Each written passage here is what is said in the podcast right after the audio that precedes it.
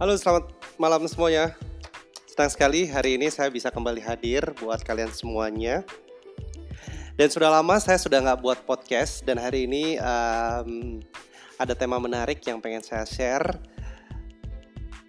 untuk kalian yang mungkin baru pengen membuat usaha atau lagi yang masih punya usaha atau yang berprofesi sebagai karyawan dan mungkin ini bisa jadi salah satu motivasi buat kalian apa pun profesi kalian sebenarnya kesuksesan itu bisa dicapai. Jadi tidak harus jadi CEO dulu untuk jadi sukses, untuk jadi kaya, untuk jadi senang dan untuk jadi happy. Uh, jadi karyawan pun walaupun sebawah uh, jabatan kecil pun itu bisa tetap uh, senang, happy dan bisa sukses. Karena pada dasarnya kesuksesan itu adalah uh, bagaimana kita melihat uh, kesenangan. Bagaimana kita bisa happy itu yang uh, menjadi dasar sukses menurut saya sejatinya. Uh, sukses menurut saya bukan hanya sekedar finance, tapi mungkin kebanyakan orang berpikiran uh, dengan cukupnya finansial lebih gampang untuk memanipulasi kebahagiaan. Jadi Gampangnya adalah pada saat kita sukses, pada saat kita kaya, pada saat kita punya, pada saat kita banyak punya uang, terkadang kita lebih gampang untuk uh, terlihat atau berpura-pura happy. Jadi udah mengerti ya. Jadi kebanyakan orang bingung uh, sukses, kebanyakan orang tuh uh, bingung gitu. Sebenarnya sukses itu apa? Dan kebanyakan orang berpikir bahwa sukses itu adalah uang.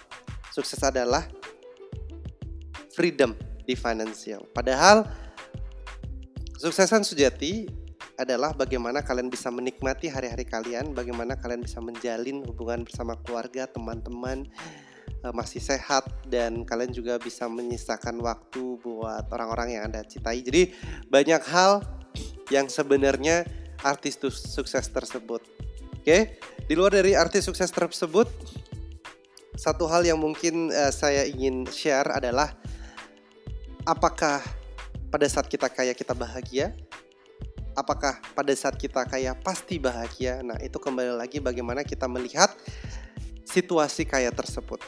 Tidak sedikit orang yang kaya tapi mereka tidak bahagia, tapi kebanyakan orang yang kaya mereka bisa menutupi kesedihan mereka. Jadi tergantung uh, dari sudut mana kalian ingin memandang sebuah sukses dan kekayaan tersebut. Oke, langsung saja kita akan bahas tentang dua hal antara CEO dan karyawan. Kalau menurut saya, karena saya juga pernah menjadi karyawan dan sekarang saya berprofesi menjadi CEO di salah satu perusahaan yang milik saya sendiri gitu ya.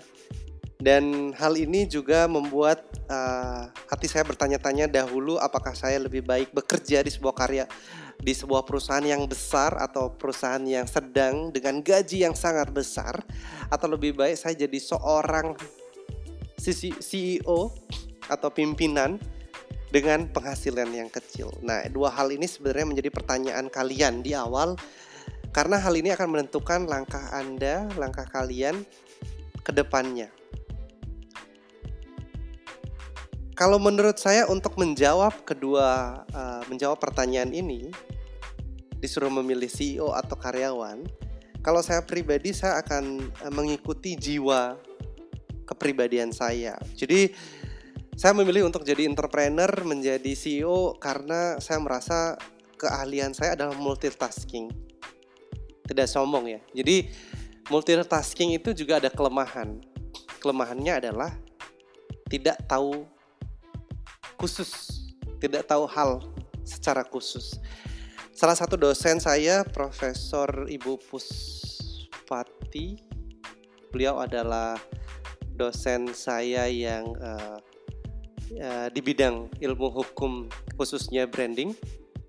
Beliau pernah mengatakan bahwa semakin pintar, semakin banyak yang kalian tidak tahu. Maksudnya semakin banyak yang kalian tahu, semakin banyak yang kalian tidak tahu. Jadi hal ini menyebabkan bahwa banyak orang yang kelihatannya banyak tahu segala macam tapi mereka tidak punya satu bidang spesifik ilmu yang sangat khusus. Oke. Berbeda dengan salah satu uh, segi otak yang uh, mereka memiliki keahlian khusus, contohnya seorang engineer atau programmer yang mereka bisa tahu sedetail bagaimana bahasa-bahasa komputer, bagaimana membuat website dan banyak hal sekali lagi yang tentunya mereka bisa dalam, tapi di dalam satu sisi mereka tidak tahu bagaimana cara mengkomunikasikan. Jadi dua hal yang perlu digarisbawahi adalah yang pertama CEO adalah orang yang kita bisa sebut multitask. Mereka bisa tahu bagaimana mereka ingin menjalani usaha mereka. Pada saat mereka disodori satu bentuk usaha, mereka sudah tahu harus mereka ke mana dulu, harus buat apa dulu. Nah, jiwa-jiwa inilah yang sebenarnya akan memupuk atau menjadi sebuah CEO yang sustainable, yang terlalu berkelanjutan, yang memang dari awal sampai akhir uh, bisa menjadi sebuah pemenang. Tapi bagaimana dengan karyawan? Apakah dengan karyawan kita bisa sukses? Oh, tentu saja. Banyak karyawan-karyawan yang sukses dengan berpenghasilan tinggi dan memiliki aset besar. Kenapa kebanyakan orang berpikir bahwa karyawan itu akan tidak jadi sukses karena lebih memikirkan bosnya yang sukses. Nah, hal ini paradigma ini yang perlu kita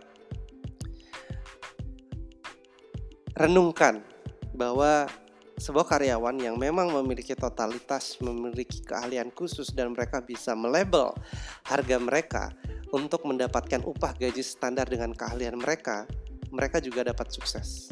Karena kebanyakan orang yang uh, pintar tapi mereka tidak bisa meliding bisnisnya mereka, mereka berpenghasilan kecil.